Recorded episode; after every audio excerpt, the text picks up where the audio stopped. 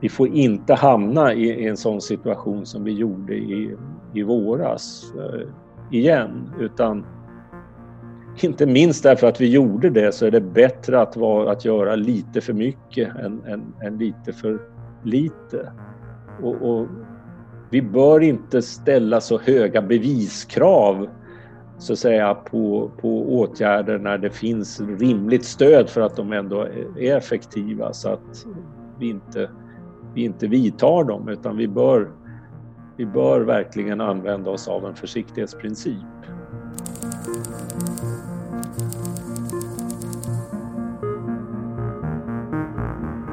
Då säger jag välkomna till eh, Covid-19 Vetenskapsforum och till vår eh, kanal. Jag heter Jens Dillof Sörensen och idag är det den 9 augusti och jag sitter här med Lars Calmfors. Väl, välkommen! Tack! Och eh, jag ska presentera Lars Calmfors. Du är professor emeritus i internationell ekonomi. Eh, jag skulle nu säga en av Sveriges mest namnkunniga ekonomer, nationalekonomer, internationella ekonomer. Och du är fortfarande aktiv och forskar och eh, bland annat på Institutet för näringslivsforskning. Eh, och vi ska prata mycket om ekonomi idag i, i förhållande till pandemin. Eh, vi ska prata både om hur Sveriges ekonomi ser ut och stödpaket och så vidare.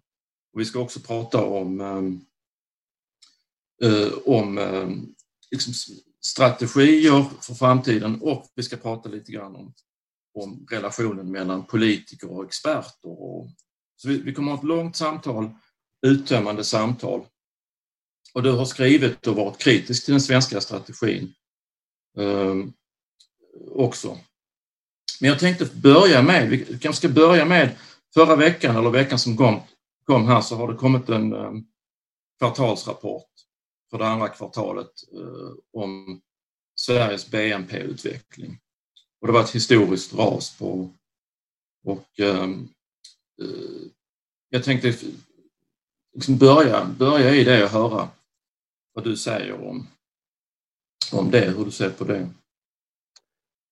Ja, det är ju det största ras som vi har haft under ett kvartal. Ehm, alltså under 1990-talskrisen så sjönk ju BNP över tre år med ungefär 5 procent. Men nedgången var, var långsam, det kom lite i taget. Sen var det en snabbare nedgång under den globala finanskrisen 2008-2009. Så vi hade ett kvartal där eh, 2008, kvartal 4, då det var ett ganska kraftigt BNP-fall. Men ändå inte i, i paritet med det vi har sett nu som alltså är storleksordningen 8,5 procent under ett kvartal. Det, det, har vi inte haft eh, tidigare. Ändå kan man säga att det var nog lite bättre än vi kunde befara eh, om vi går tillbaka eh, två, tre månader. Då trodde vi nog att det skulle bli ett ännu större fall. Så att eh, ja, i den meningen så, så var det väl mer positiva siffror än, eh, vi befarade. Och hur, hur, stora växlar tycker du man kan dra på det här? Det är vissa variationer för det har kommit, eh, det har kommit rapporter från USA som ligger lite, lite, lite mer eh, i fall och det har, det finns ett EU-genomsnitt och alla siffror är väl inte klara och många är preliminära. Men hur, hur mycket växlar ska man dra på det här? Det är en indikation. Men. Alltså alla eh, BNP-siffror för eh, andra kvartalet är preliminära. Och vi vet att det ofta sker stora revisioner i efterhand, både uppåt och neråt av de här första kvartalssiffrorna.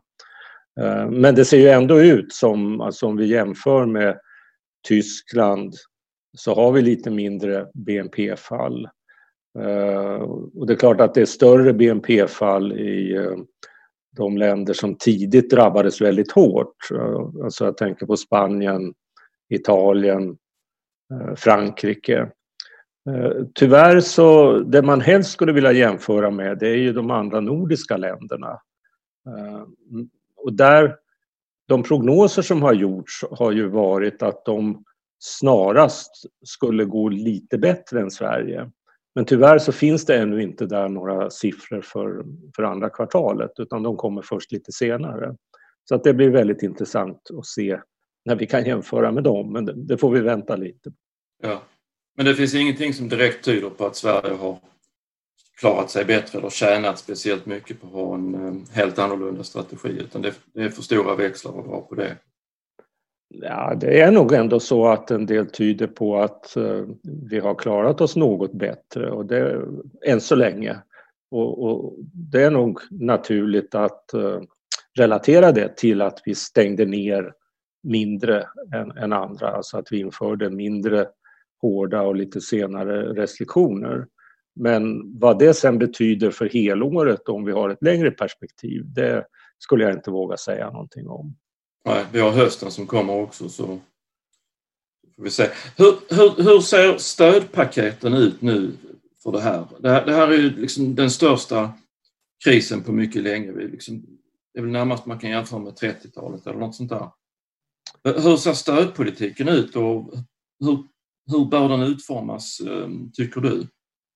Ja, det är ju gigantiska mm, stödpaket. Eh, alltså om man bara summerar kostnaderna för, för själva stödpaketen så, så pratar vi ju enligt de uppskattningar som har gjorts, de behöver inte stämma, men, men uppskattningarna har ju varit att eh, man skulle landa en bra bit över 250 miljarder under det här året.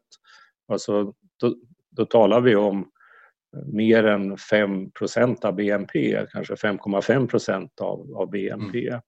Och sen får man ju till det lägga då att eh, statsbudgeten eller de offentliga finanserna försämras ju också av att det faller bort skatteintäkter. Så att eh, Finansdepartementet har ju räknat med att eh, de offentliga finanserna kommer gå med ett underskott på ungefär 8 procent av BNP i, i år. Det är inte lika mycket som, som värsta året under 1990-talskrisen men det, det är väldigt mycket. Uh, nu kan det bo, bli både mindre och, och mer. Uh, så det är väl troligt att det kommer att beslutas om fler stödpaket uh, under hösten. Som, ja, det, det, det, finns en diskussion om, omkring det. Samtidigt så finns det en del som tyder då på att de här uppskattningarna av vad det man har eh, redan beslutat ska komma att kosta kanske har varit eh, väl tilltagna. Eh, företag har, har i rätt stor utsträckning sökt mindre av vissa stöd än, än man trodde men som man inte riktigt vet vad, vad det beror på, om det bara är en tidsförskjutning eller om, om företagen har gått bättre än, än vad man befarade. Men alltså det, ja, det, är, det är väldigt stora stödpaket och stödpaket av en annan typ än vi brukar ha i, i en lågkonjunktur. Därför att det normala är ju att det gäller att hålla efterfrågan uppe. Nu så har inte det varit huvudsyftet egentligen.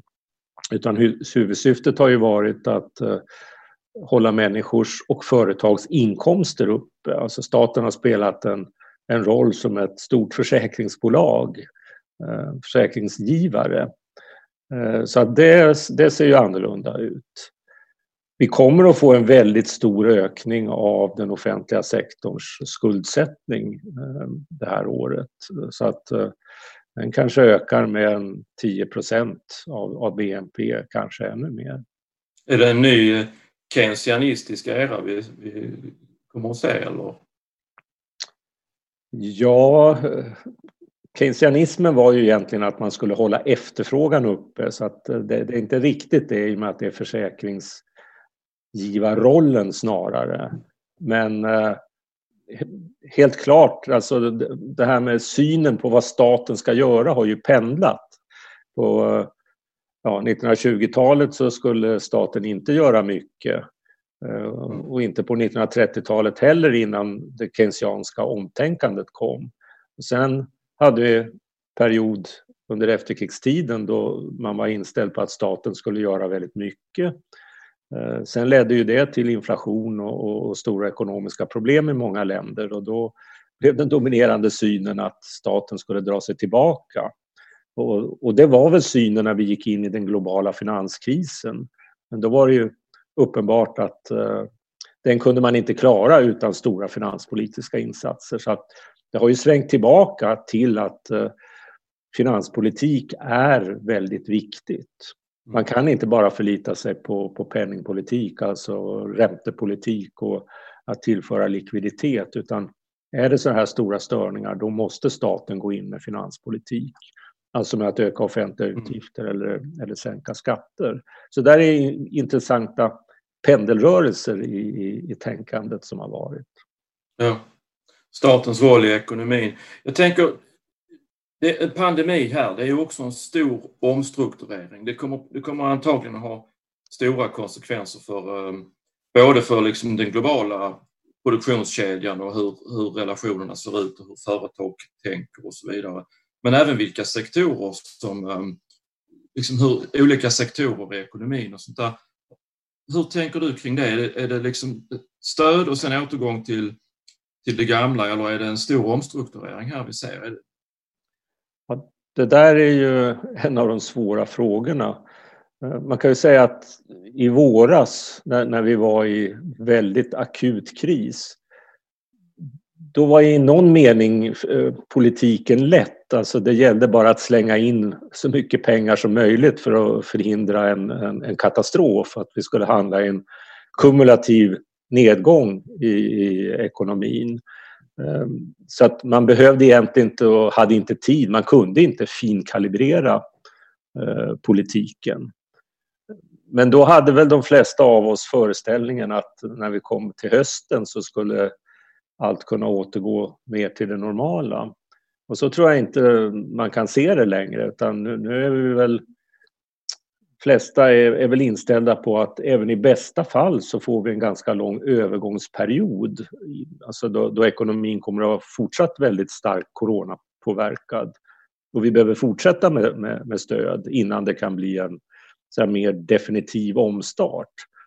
Och I värsta fall så, så får vi leva väldigt länge med en coronapåverkad ekonomi, alltså att det nästan blir det nya normala.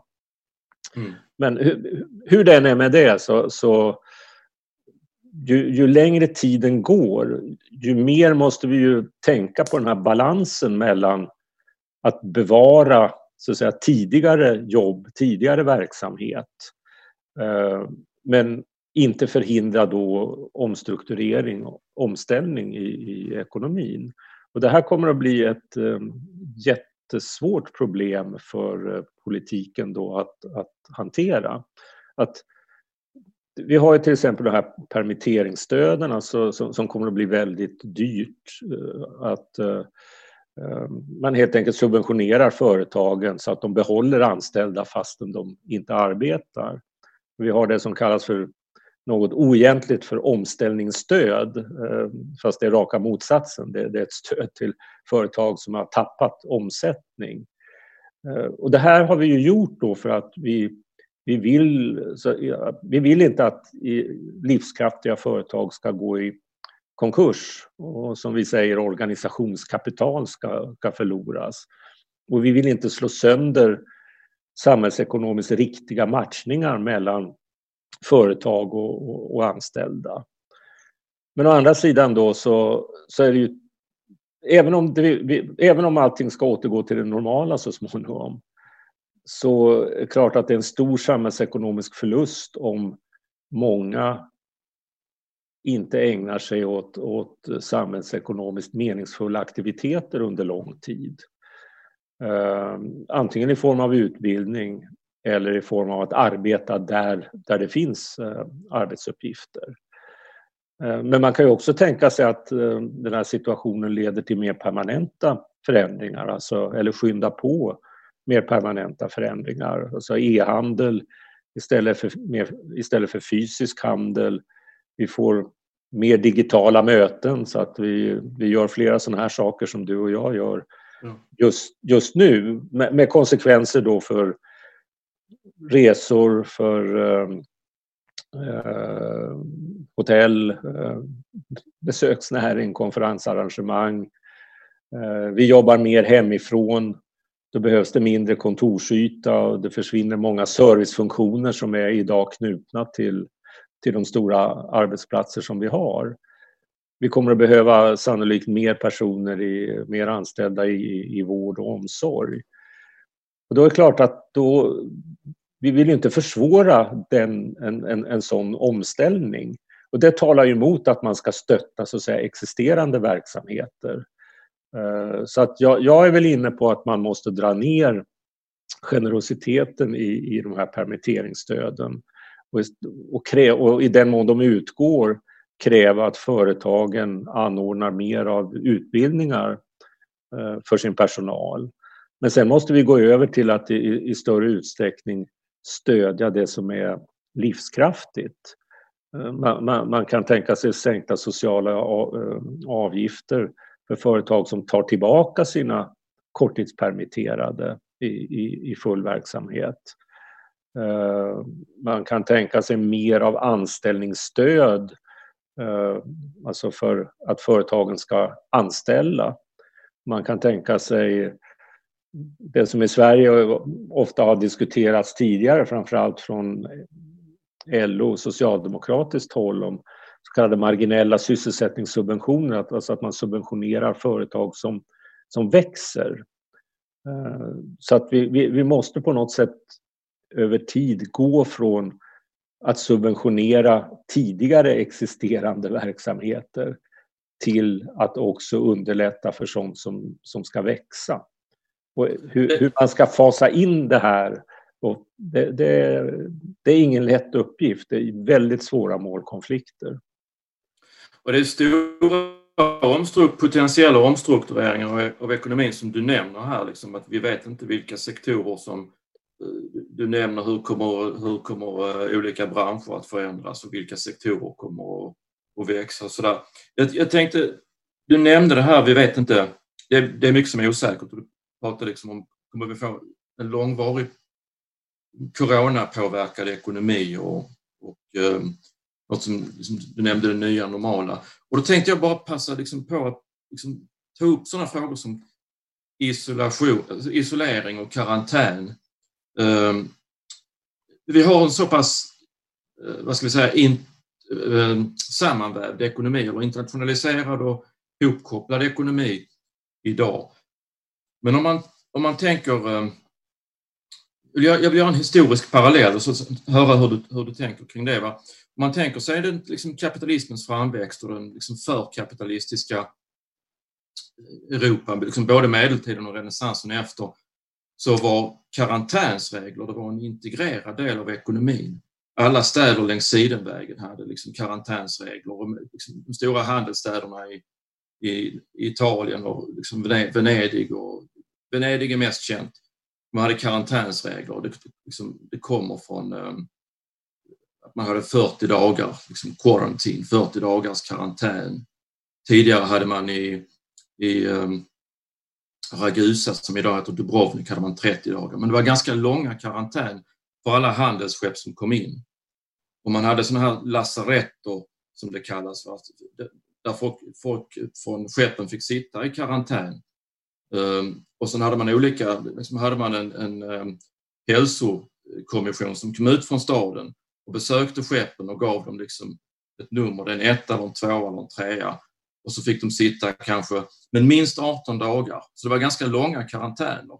Och så satt de på, i Venedig så fanns det lasarett och ehm, eh, liksom små öar där man antingen satt när man var, väntade på få klartecken och komma in i staden eller så fick man sitta där om man behövde behandling. Ehm, och ehm, ofta tänker man, läser man inte om det när man läser ekonomisk historia kanske, liksom de här karantänsreglerna. Ehm, hur ser det ut i en modern samtida ekonomi? Hur, om man har liksom karantän, vi har nu liksom karantän för svenskar som ska in till Finland och liksom olika länder sätter olika begränsningar. Men kan det bli en del av det nya normala att man liksom inför det här i den här eh, väldigt liksom, internationaliserade ekonomin med isolering och kontroller och så vidare på ett nytt sätt än vad man har haft. Ja, du är ju historiker så att du vet, eh, du har mer, mer perspektiv på de frågorna säkert än, än jag. Jag föreställer mig ju att eh, det, det ska gå, alltså av de här skälen ändå att upprätthålla flöden av, av, av varor mellan länderna. Eh, men det är klart att där vi ser stora skillnader i smittspridning så kommer det säkert att eh, vi, kommer säkert att få eh, ja, begränsningar i resandet och, och karantänsregler. Eh, och det slår ju naturligtvis mot turismen, det, det, det slår ju också mot så här, många affärskontakter, affärsmöten och så vidare.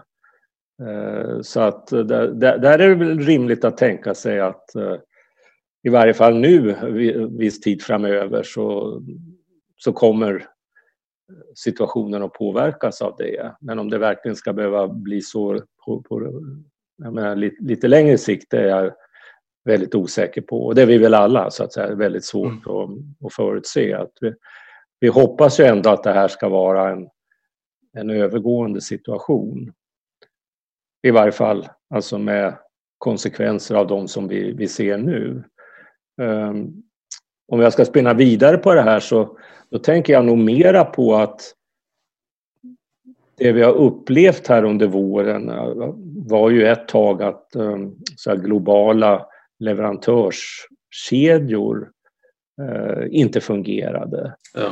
Och där kan jag väl tänka mig att uh, företag kommer att bli mer försiktiga att inte förlita sig på enskilda leverantörer. Uh, särskilt då utomlands ifrån. Alltså att man kommer att försöka att inte lägga alla ägg i samma korg. Man kommer att försöka ha fler leverantörer och man kanske kommer att prioritera att ha vissa närmare i, i samma region eller eventuellt in, inom samma land.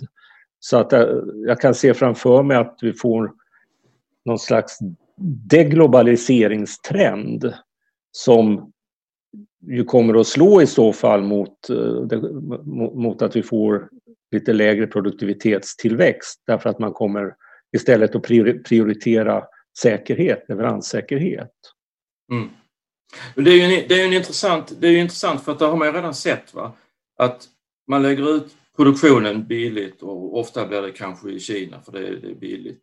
Men då blir man också samtidigt väldigt känslig för produktionsstopp eller liksom minsta eh, avbrott i flödet och sådär.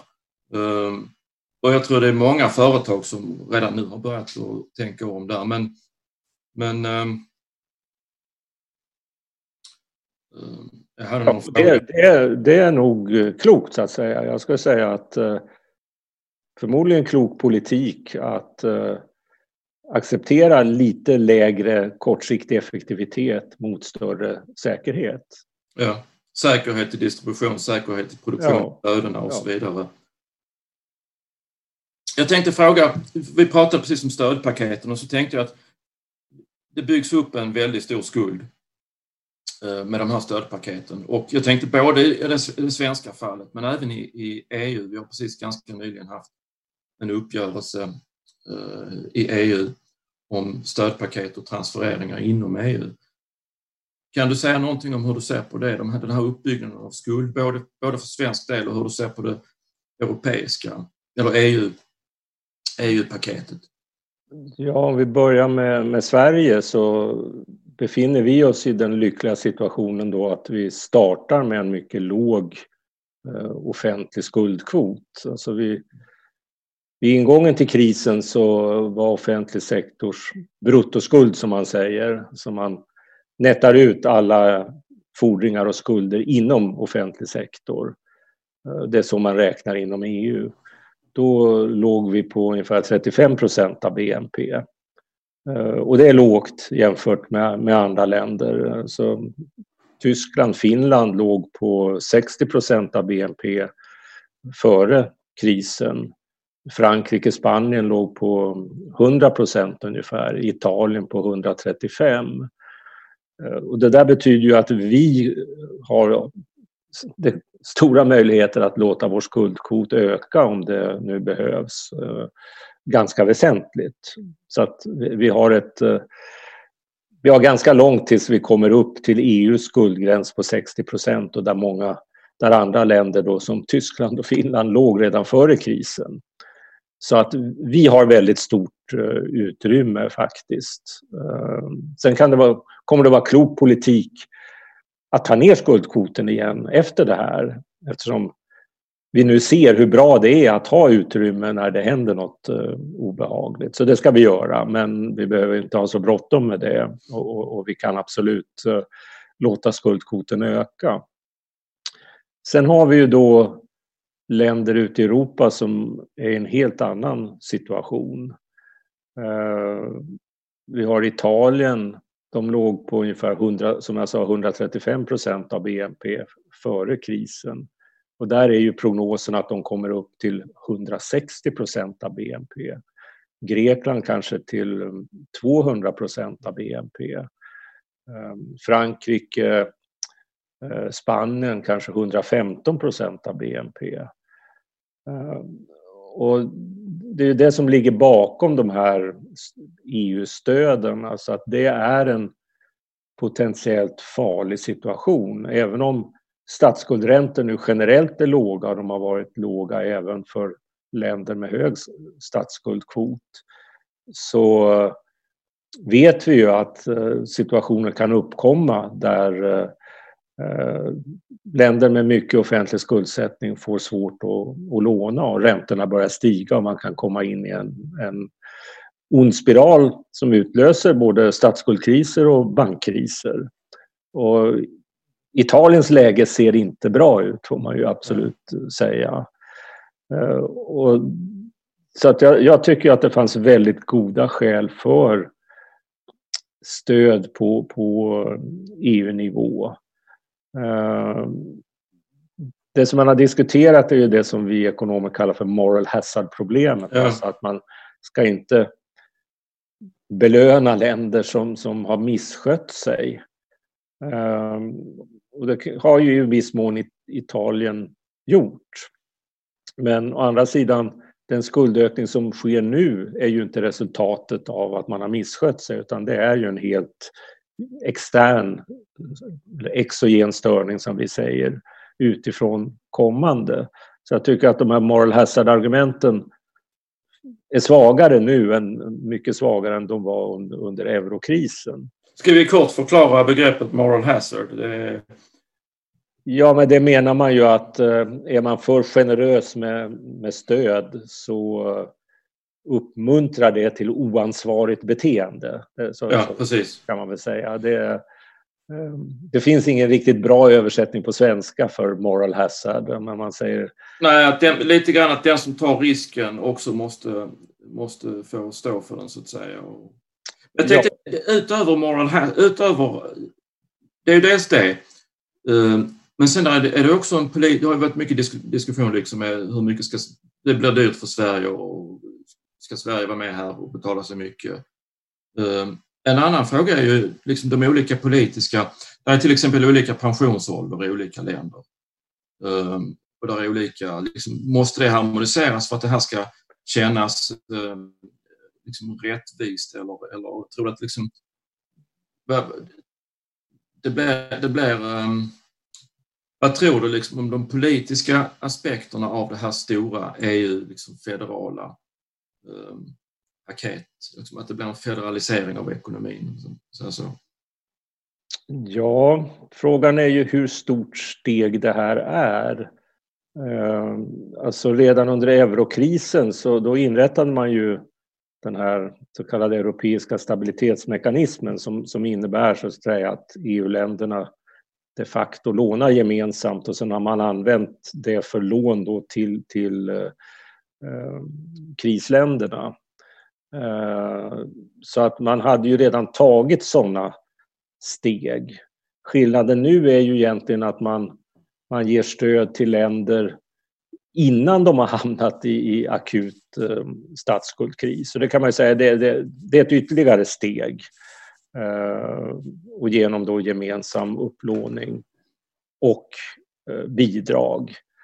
Eh, nu hade jag i och för sig lite svårt att förstå varför Sverige snöade in så mycket på det här att det, det inte fick vara bidrag utan det ska vara lån. För jag tror ju att eh, även om man ger lån till länder här som Italien med, med väldigt hög skuldkvot så kommer de att få väldigt svårt att betala tillbaka de där lånen. Så att eh, även lån kan nog på sikt för, förvandlas till, eh, till bidrag. Eh, men jag tycker ändå så att säga att det var risken för en veritabel härdsmälta i den här situationen i, i, i Italien. Ja. Den, ja, så att eh, jag tycker det var riktigt att, att ge de här stöden. Och jag tycker att det hela går även utöver problem bara för euroområdet. Så jag tycker det var riktigt att det inte bara sköttes av euroländerna utan även ett, eh, eh, så att säga på EU-nivå så att även länder som Sverige deltog. Jag tycker också att vi ska komma ihåg att en annan gång kan det ju vara vi som eh, ja. behöver, behöver hjälp. Så att det är inte så smart, tycker jag, att framstå som alltför allt för snål. Och att jag hade ju hellre sett att vi hade drivit hårdare då att EUs budget skulle användas för mer vettiga saker, alltså att man dragit ner jordbruksstöd, ehm, ja, det gamla regionalstödet, att vi skulle ha fokuserat mer på det än att få egna budgetrabatter. Det hade blivit en långvarig politisk eh, kamp om man skulle gå på dem. Jo, men det var ju en kamp även nu så att säga om budgetrabatterna och det, det är mindre viktigt för systemet. Mm. Ja. Så jag, jag, tycker vi skulle ha prioriterat att förbättra, alltså få systemförbättringar ja. i budgeten än att eh, liksom vinna några miljarder som dessutom då framstår som ganska egoistiskt. Ja. Det är en ständig liksom diskussion det här mellan, eh, mellan om man ska även när det gäller banker och sånt där och inom, inom EU liksom bailouts eller inte och ska man risken med att man belönar moral hazard och så vidare. Så, uh. Ja, men där, så, så det, det, är väl ett, så bankunionen tycker jag är ett ganska stort steg framåt ändå, att man får kontroll så att säga på EU-nivå. Eh, för det minskar risken för alltför allt för eh, cozy relationships mellan reglerare i enskilda länder och bankerna i enskilda länder. Så att det tycker jag ändå har varit en, en framgång så vitt jag kan se. Men nu har vi kommit långt ifrån... Ja. Jag, tänkte, jag tänkte ta tillbaks frågan till, till Sverige då. Um, du, du, har själv varit kritisk mot, mot hur Sverige har, eh, alltså den svenska strategin eller det svenska agerandet här. Eh, och skrivit eh, artiklar om det. Men jag tänkte fråga varför gjordes det inte fler billiga... Alltså det fanns många billiga insatser som man kunde ha gjort tidigt i, i Sverige. Varför gjordes inte mer på ett tidigt stadium? Ja, det är ju inte en fråga som egentligen ska ställas till mig, men Nej. vi kan ju ändå fundera över det att för mig är det väldigt svårt att, att förstå. Jag, jag, jag, kan inte se det på något annat sätt än att man på Folkhälsomyndigheten helt enkelt gjorde allvarliga felbedömningar i, i inledningsskedet av um, coronapandemin. Nu kan man ju säga att det, det, var på sitt sätt förståeligt. Jag menar, det var svårt att veta, men man borde, menar jag, ha följt en försiktighetsprincip i, i, i den oklara situation som var. Testning till exempel kanske? Ja. ja, det är en sak, men eh, vi kunde ha infört restriktioner för eh, allmänna sammankomster tidigare. Vi kunde ha satt eh, de som kom tillbaka från eh, Italien och alltså under de här slutet av februari, början av mars i karantän även om de inte visade eh, symptom. Men, men det var ju faktiskt så att Folkhälsomyndigheten rent av då aktivt uppmuntrade eh, personer som kom hem och inte hade symptom att, att gå till jobbet så att säga och kritiserade företag som uh, valde att uh, själva så att säga sätta personal i karantän. Det är för mig väldigt svårt att, att förstå därför att det hade inte haft, det, det rörde så få personer i den situationen. Mm. Så att kostnaderna hade varit väldigt, uh, väldigt små. Och de potentiella vinsterna kunde ha varit, varit stora. Baserat på tusen års erfarenhet av karantän inom ekonomi som vi pratade om tidigare. Ja, för mig är det mer en fråga om försiktighet och sunt. Försiktighetsprincipen, ja. ja. Jag tänkte man har alltid följt, just försiktighetsprincipen har ju varit vägledande i liksom handelsstäder och så vidare. Det är därför man har haft den här karantänen, för att man vet aldrig om en pandemi är den allvarlig eller inte allvarlig. Det kan ju vara något som är riktigt allvarligt. Det kan vara något som, och då är det bättre att vara försiktig. Ja, så länge som kostnaderna ändå är små så, så är ju ja skälen för det oerhört starka. Eh, sen så att säga när det hela hade kommit igång, då kan man ju i och för sig säga att det här frågan om man ska göra en större nedstängning eller inte, den, den är ju svårare därför att den har omedelbara eh, ja. stora ekonomiska konsekvenser men den har förstås också en plussida att kan man väl får ner smittspridningen så tjänar man tillbaka en del eller allt eller mer senare. Men, men den, den, frågan är ju svårare så att säga. Men jag tyckte i början så var det lätt och jag tycker inte att det är att vara efterklok för att det var ändå många som, som uttryckte den uppfattningen redan på det stadiet men, men det viftades bort. Och det är ju det är intressant här för nu det är ju ofta, ofta har det varit en diskussion att antingen är det det här väldigt eh, lösa eh, hanterandet som i Sverige eller så är det total lockdown. Va? Men det fanns ju en massa möjlighet, möjligheter däremellan. Va? Som till exempel, du nämnde karantän för de som reste.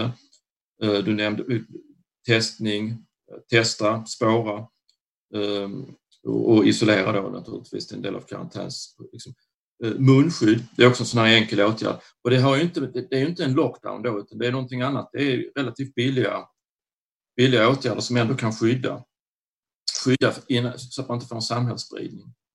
Ja, jo, den här frågan om munskydd är ju, är ju intressant så att säga hur den har hanterats. Att, eh, jag kan ju bara gå på det jag läser så säger jag det jag hör när jag diskuterar med, med de som kan mer. Men, men jag uppfattar det ändå som att det har kommit mer och mer stöd för att eh, munskydd då har en begränsande effekt. Ja. Uh, och även om man nu tänker här framöver så, så, tycker jag att principen, utgångspunkten måste väl ändå vara att om det finns åtgärder som är billiga och det finns en så här, betydande sannolikhet för att de har effektivitet, då så bör vi väl använda oss av dem. Uh, av just um, försiktighetsskäl. Eh, att om det är billigt, inte har så stora kostnader, då bör vi väl göra snarast mer för mycket än, ja. Eh, än för lite. Och det har ju kommit mycket senaste tiden, alltså under sommaren här, det, kommit nu, det finns över 170 studier nu och, och liksom, som sammantaget väldigt övertygande visar på munskyddens effektivitet. Och en del är vetenskapliga artiklar, en del är, är studier som är gjorda av olika länders folkhälsomyndigheter. Men inte bara munskyddet, generellt så har det här skapat en stor polarisering i samhället. Inte bara i Sverige men även kanske i USA ser vi det också. Men, men i Sverige ser man också en sån här stark polarisering mellan olika positioner. Va? Att, eh, vad, vad, hur ser du på det? Vad, vad tänker du kring det? Ja, och det finns ju uppenbarligen väldigt stor polarisering mellan Folkhus, Folkhälsomyndigheten och eh, eh många inom den medicinska professionen. Man kan ju säga att det är ju också ett, ett misslyckande för Folkhälsomyndigheten, alltså att det finns den här förtroendeklyftan. Ehm, jag menar, när jag diskuterar med folk så så hör jag ju att det, det, det, finns, det finns en förtvivlan över att man inte tycker att man lyckas få fram eh, argumenten till Folkhälsomyndigheten och man, man funderar nästan på hur, hur ska man presentera argumenten på ett så eh, hovsamt sätt så att man inte låser sig på Folkhälsomyndigheten. Ja. Det, det, är ju en situation som är väldigt, väldigt uh, olycklig. Sen har ju de, debatttonen har ju varit väldigt hård uh, från, från båda sidor egentligen. Uh, men det är ju också förståeligt. Alltså det, det, det, här, det gäller ju det gäller ju människoliv och man anser att eh, man så att säga på oklara grunder väljer en strategi som har väldigt svåra konsekvenser, då måste man ju säga detta. Eh, tyvärr då så... Det är ju sånt som... Vi, vi tycker inte om att höra det. Så att eh, de som har kritiserat, och det har gällt även mig själv, som har kritiserat den valda strategin Eh, vi stöter ju, vi stöter ju ibland bort uh, människor som, som inte vill höra att uh, man har gjort på ett sätt som, som inte är försvarbart. Mm. Det där är ju ett, det, det, är ett svårt problem. Jag, jag, tycker inte heller om att säga att någon har gjort absolut fel och det har fått väldigt svåra konsekvenser. Men samtidigt kan man ju inte vara tyst om detta om man anser att, att det finns övertygande skäl att tro att det är just så. Eh, men det där är det är ett problem i, i, ska jag säga, i svensk samhällsdebatt nästan att eh, många vill inte höra talas om det. Och, och man kan ju säga att vi kan, ju, vi kan ju inte med säkerhet ange några siffror för hur många människoliv har gått till spillo på grund av den strategi som, som har valts. Men man får väl ändå säga att det, det, är väldigt troligt att det är höga siffror som beror just på det, även om det kan finnas andra eh, faktorer som, som också har spelat in. Mm. Men eh, det Sen finns det ju andra, där finns ju andra sådana här aspekter som att alla som sitter i självvald eller ja, självvald är kanske ta men alltså självisolering, va? alla i riskgrupper, alla som är 70 plus eh, och så vidare. Liksom om, om det nu är en samhällsspridning som man inte riktigt har kontroll över så, så måste folk vara försiktiga och sitta hemma och sådär. Det, det är också en sån här ehm, det har också konsekvenser både till tilliten och även ekonomiskt. Så det är många andra sådana här aspekter. Hur ser du på det? Ja, jag är ju också 70 plus. Eh, eh, nej, men man måste ju säga att det är en ytterligare aspekt på den strategi som vi har valt, alltså att det har lagt en väldigt stor anpassningsbörda på en, en speciell grupp i samhället, nämligen äldre och andra i, i riskgrupper. Eh, ekonomiskt så eh, kanske det har varit fördelaktigt därför att eh, de flesta som är pensionärer arbetar inte. Ehm, men det är klart att det är väldigt stora påfrestningar för många. Ehm, jag tillhör ju de som... Eh, jag kan ju ägna mig åt att kritisera strategin och jag kan skriva en artikel så att jag... Ehm, jag kan ju sysselsätta mig med, med, med det. Men för många som inte har så att säga, de möjligheterna så måste det vara eh, oerhört eh, påfrestande. Jag ska fråga lite mer kring det här. Du, liksom, den här splittringen, eh, klyftan, eller vi ska säga, som du tog upp mellan Folkhälsomyndigheten och en stor del av den liksom, medicinska expertisen. Och det, det, det, verkar nästan som att det, det kommer en massa liksom, nya forskningsartiklar och så vidare, men det verkar inte som att det spelar någon roll, för strategin ligger fast oavsett vad som kommer eh, i, i, i nya, ny liksom eh, vetenskaplig evidens och sånt där. Och kontakten är, eh, liksom inte så, så god mellan, mellan... Hur ser du på den här liksom den, sven, och vi säger den liksom svenska förvaltningsmodellen och sen så ansvarsfördelningen eller relationen mellan å ena sidan forskarsamhället och den myndighet som enligt lagen ska ha en vetenskapligt baserad Ehm, liksom, det ska vara vetenskapligt baserat, liksom, strategi och så vidare. Och sen å andra sidan politikerna. Va? Politikerna och tjänstemännen. Så då, liksom politikerna eh, och så folk, Folkhälsomyndigheten i det här fallet. Vi har liknande modeller inom ekonomi och inom andra områden. Hur ser du på det här? Ja, det, det var stora frågor, men, men, innan jag tar den stora principiella frågan så, så låt mig bara säga att jag har väldigt svårt att undvika slutsatsen att Folkhälsomyndigheten tidigt på grunder som inte är helt klara för mig valde en viss um, approach.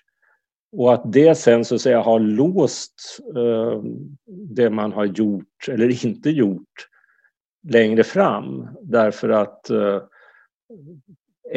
förändrade beslut så att säga skulle kunna ses som en, eh, ett, eh, ett erkännande av att det man gjorde från början inte var så bra. Eh, och jag stöts ibland av, av sättet som man argumenterar på. Och bara ta ett exempel att man har ofta lyft fram det här att ja, men Storbritannien som har gjort en stor nedstängning de har klarat sig sämre än Sverige.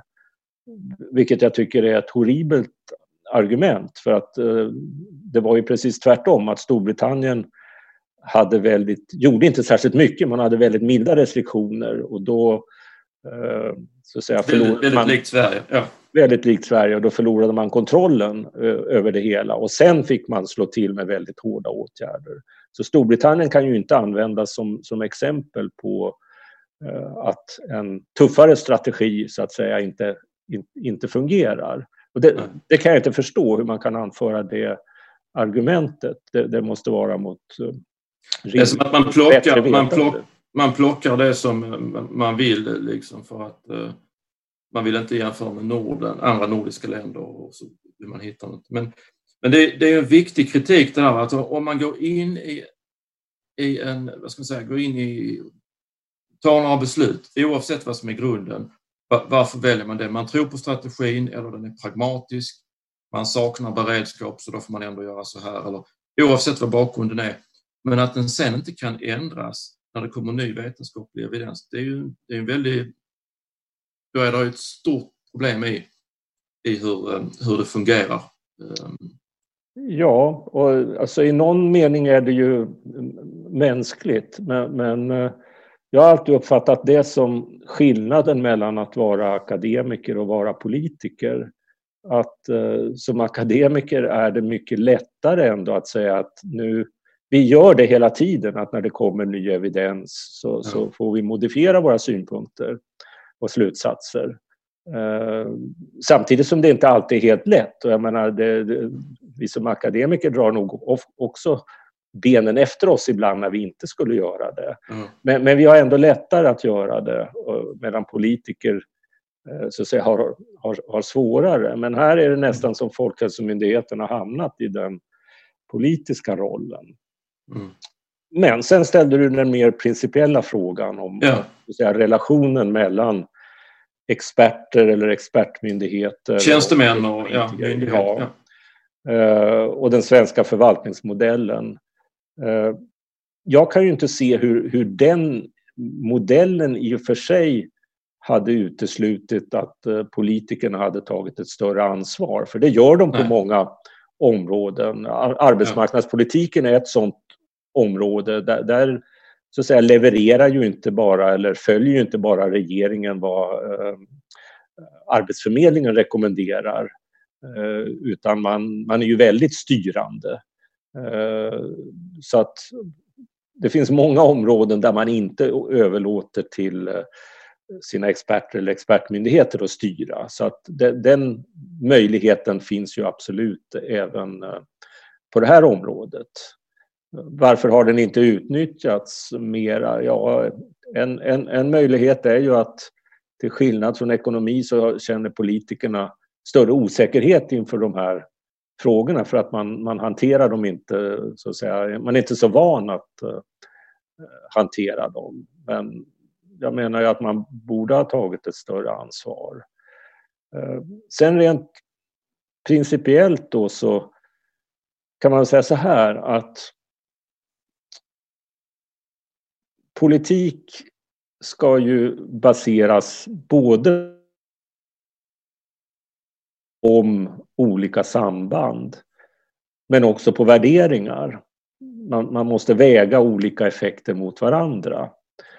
Och att hitta den där balansen mellan värderingar och mellan inflytande från värderingar och inflytande från eh, sakkunskap. Eh, det är svårt. Eh, och inom ekonomisk politik som jag har sysslat med så har man ju löst det där på olika sätt på olika områden. Eh, när det gäller penningpolitiken så har man gått väldigt långt. Där har politiken mm. lämnat, ansvaret, lämnat bort ansvaret helt och hållet ja. till eh, experter eller eh, till, till utnämnda tjänstemän helt enkelt. Eh, sen slutet då på 1990-talet. Eh, så politiken, eller politikerna lägger sig inte i eh, räntesättningen och, övriga åtgärder som Riksbanken eh, vidtar utan Riksbanken har en klar målformulering.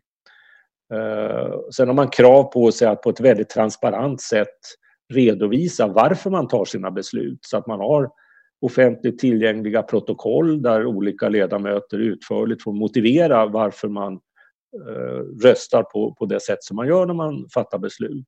Vi har offentliga utfrågningar i, i finansutskottet där eh, tjänstemännen då från Riksbankens direktion mer eller mindre grillas eh, och, och får svara för varför de agerar som de gör. Så att man har lagt krav på en väldigt stor transparens. Det är en modell. Eh, sen, ja, mm. sen finns ju en helt annan modell och det är att politikerna tar besluten men man ser till att få väldigt tydliga beslutsunderlag från expertmyndigheter.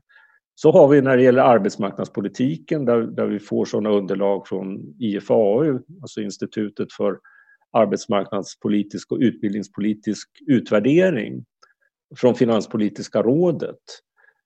Så att där serveras med regeringen en, en meny som man kan välja ifrån. Men på, på det här området, smittbekämpningen här, så är det som vi, vi, vi har ingen av de här modellerna utan vi har en regering som har överlämnat beslutsfattandet i stort sett till sin expertmyndighet.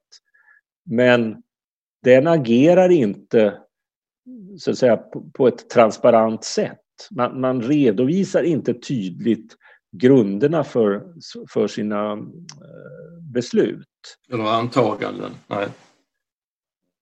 Nej. Utan... Det, är ja, nej, det, det, är intressant för jag håller, jag håller helt... Ibland har det sagts att det är någonting med den svenska förvaltningsmodellen som gör att man inte kan eh, ta ett... Eh, liksom, regeringen kan ta ett grepp över det här och, och leda under krisen utan man, man lägger ner det på en, en myndighet. Och, och, men jag håller helt med dig att det är inte modellen, förvaltningsmodellen utan det, det är en, en eh, felaktig slutsats utan du, du nämner två modeller. Det ena är där man lägger mycket ansvar men då är det mycket hårda krav på transparens och man ser. Ja. Eh, och det andra är att politikerna håller, håller um, kontrollen över och tar besluten men man, man serveras en massa underlag från, från experter. Här har vi då inte haft någon transparens kring modeller eller antaganden och, och så vidare men samtidigt har det Eh, har vi nästan liksom hamnat som, som gisslan under Folkhälsomyndigheten. Väldigt stor skillnad som jag uppfattade mot Norge som, där, där jag har eh, så här, kontakter och gjort en del jobb. Eh, alltså där det har tagits fram väldigt tydliga underlag och man har haft man har haft offentliga utredningar eller kommissioner som också har så här, vägt ekonomi mot smittbekämpning på ett väldigt tydligt sätt. Så att säga, där, där, man direkt har så att säga gjort kalkyler där man har, har satt siffror på eh, vad människoliv är värda, eh, så att säga. Inte i någon absolut mening utan man har så att säga illustrerat målkonflikterna genom att eh, att göra beräkningar under olika antaganden. Så att det, det, det, så att säga, väldigt tydligt hur man resonerar. Och det har vi inte någon som helst motsvarighet till i, i Sverige. Nej, och det här är ju någonting som då kräver en, en, en samverkan mellan eh, medicinska experter, ekonomiska experter och, och, och, kanske även andra samhällsvetare. Och det, det, skulle vi behöva, och inte bara i efterhand i en coronakommission utan vi behöver det för beslutsfattandet. Ja.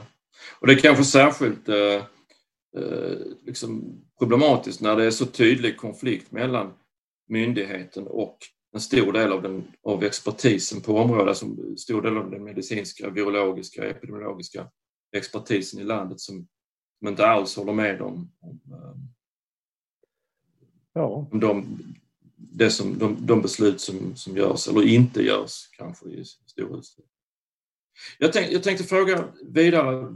Ehm, nu har vi en höst, nu har vi haft eh, en svensk, vi är mitt i en svensk sommar som nästan alltid är en naturlig lockdown i Sverige. Va?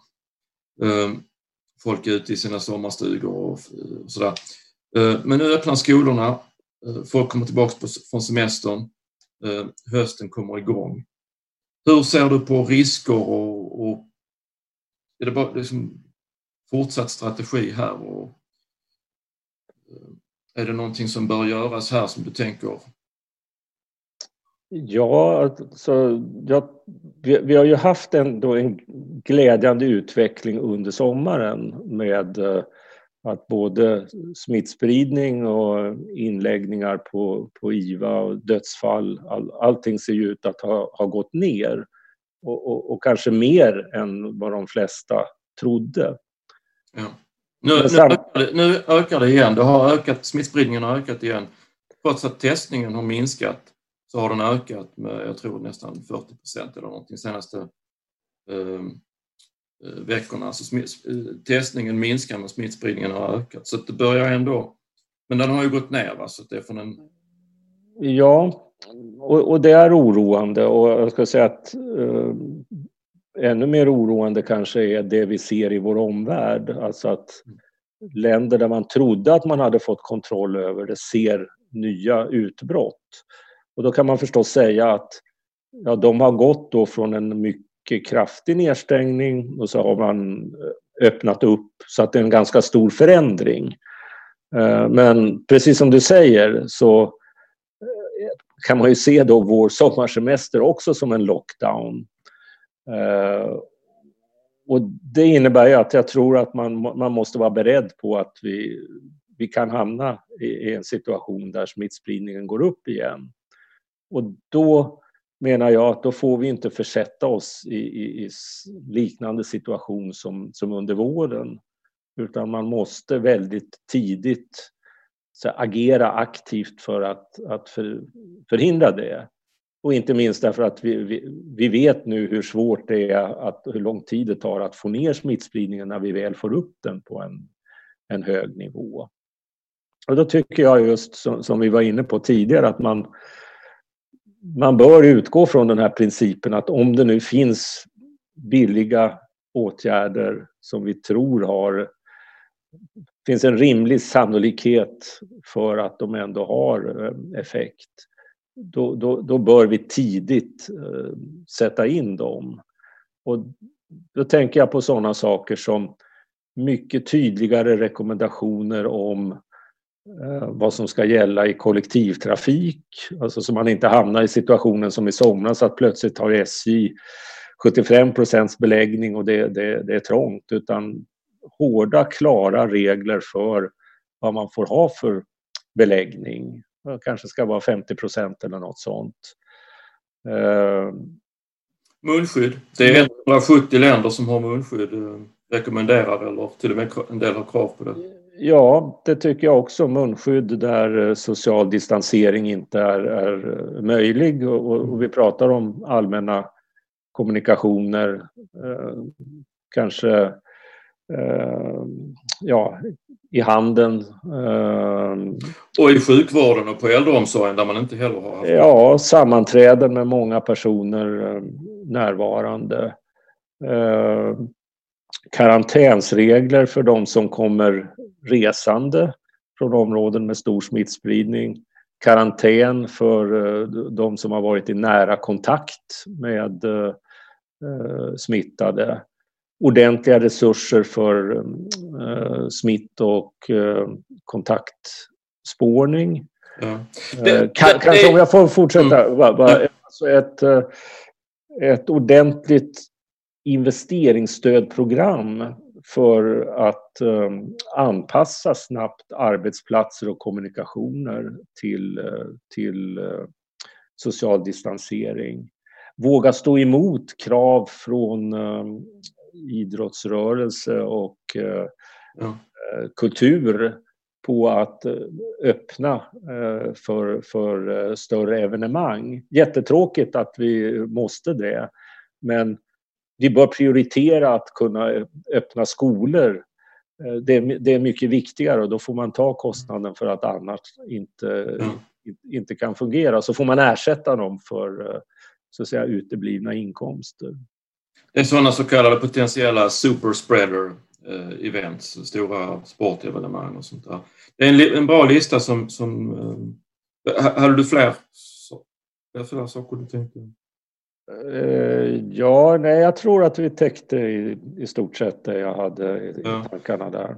Och skolorna, skolorna är ju också en sån här fråga som diskuteras nu för de öppnar här om mindre än två veckor. Vilka speciella åtgärder som, som behövs där för att inte, för att inte de ska så att säga Ja, och där kan ju uppenbarligen saker göras med, med eh, Alltså att inte ha, att bara ha elever på deltid i skolan, min, mindre grupper, börja vid olika eh, tidpunkter.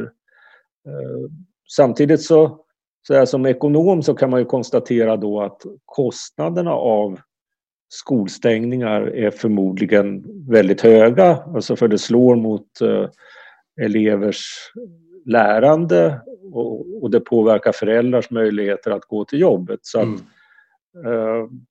om man väljer så att säga vad man ska hålla öppet.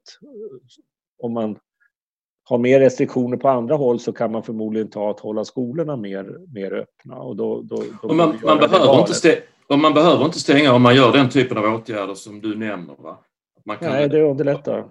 Isolera mindre klasser och mer glesare i klassrummet. Man kan ha munskydd som krav för alla, god ventilation. Det finns en massa ja. åtgärder som, som, eh, som gör att att man kan skydda barnen och även samhället utan att stänga ner. Det behöver inte vara en lockdown. Men man behöver... Nej.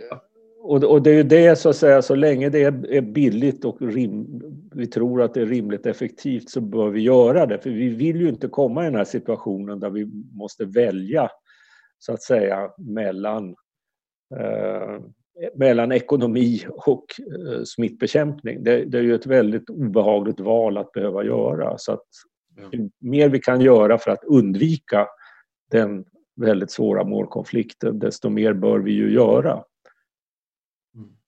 Vi har, vi har hunnit diskutera väldigt mycket här. Är det någonting som du tycker att eh, vi inte har hunnit med? Som du vill ta upp som... Nej, det, det är väl bara en förhoppning då om att uh, man ska kunna bryta den här låsningen som har varit. Alltså att, att vi kan göra ett omtag när det gäller eh, strategin mot, eh, mot coronapandemin. Utan att eh, säga, vara bundna av, av tidigare ställningstaganden. Att man ska kunna ompröva och, och, och just ha som utgångspunkt att vi får inte hamna i, en sån situation som vi gjorde i, i våras eh, igen, utan inte minst därför att vi gjorde det så är det bättre att, vara, att göra lite för mycket än, än, än lite för lite.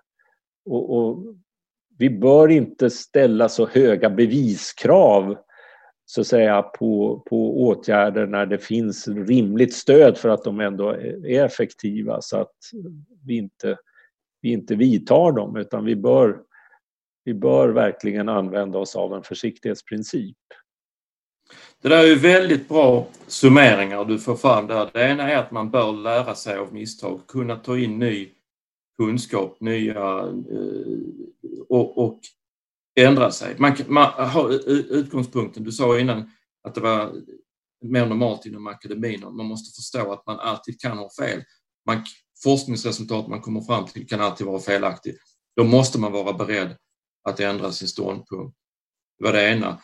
Eh, och det måste man även vara på som politiker eller från regeringen eller på Folkhälsomyndigheten.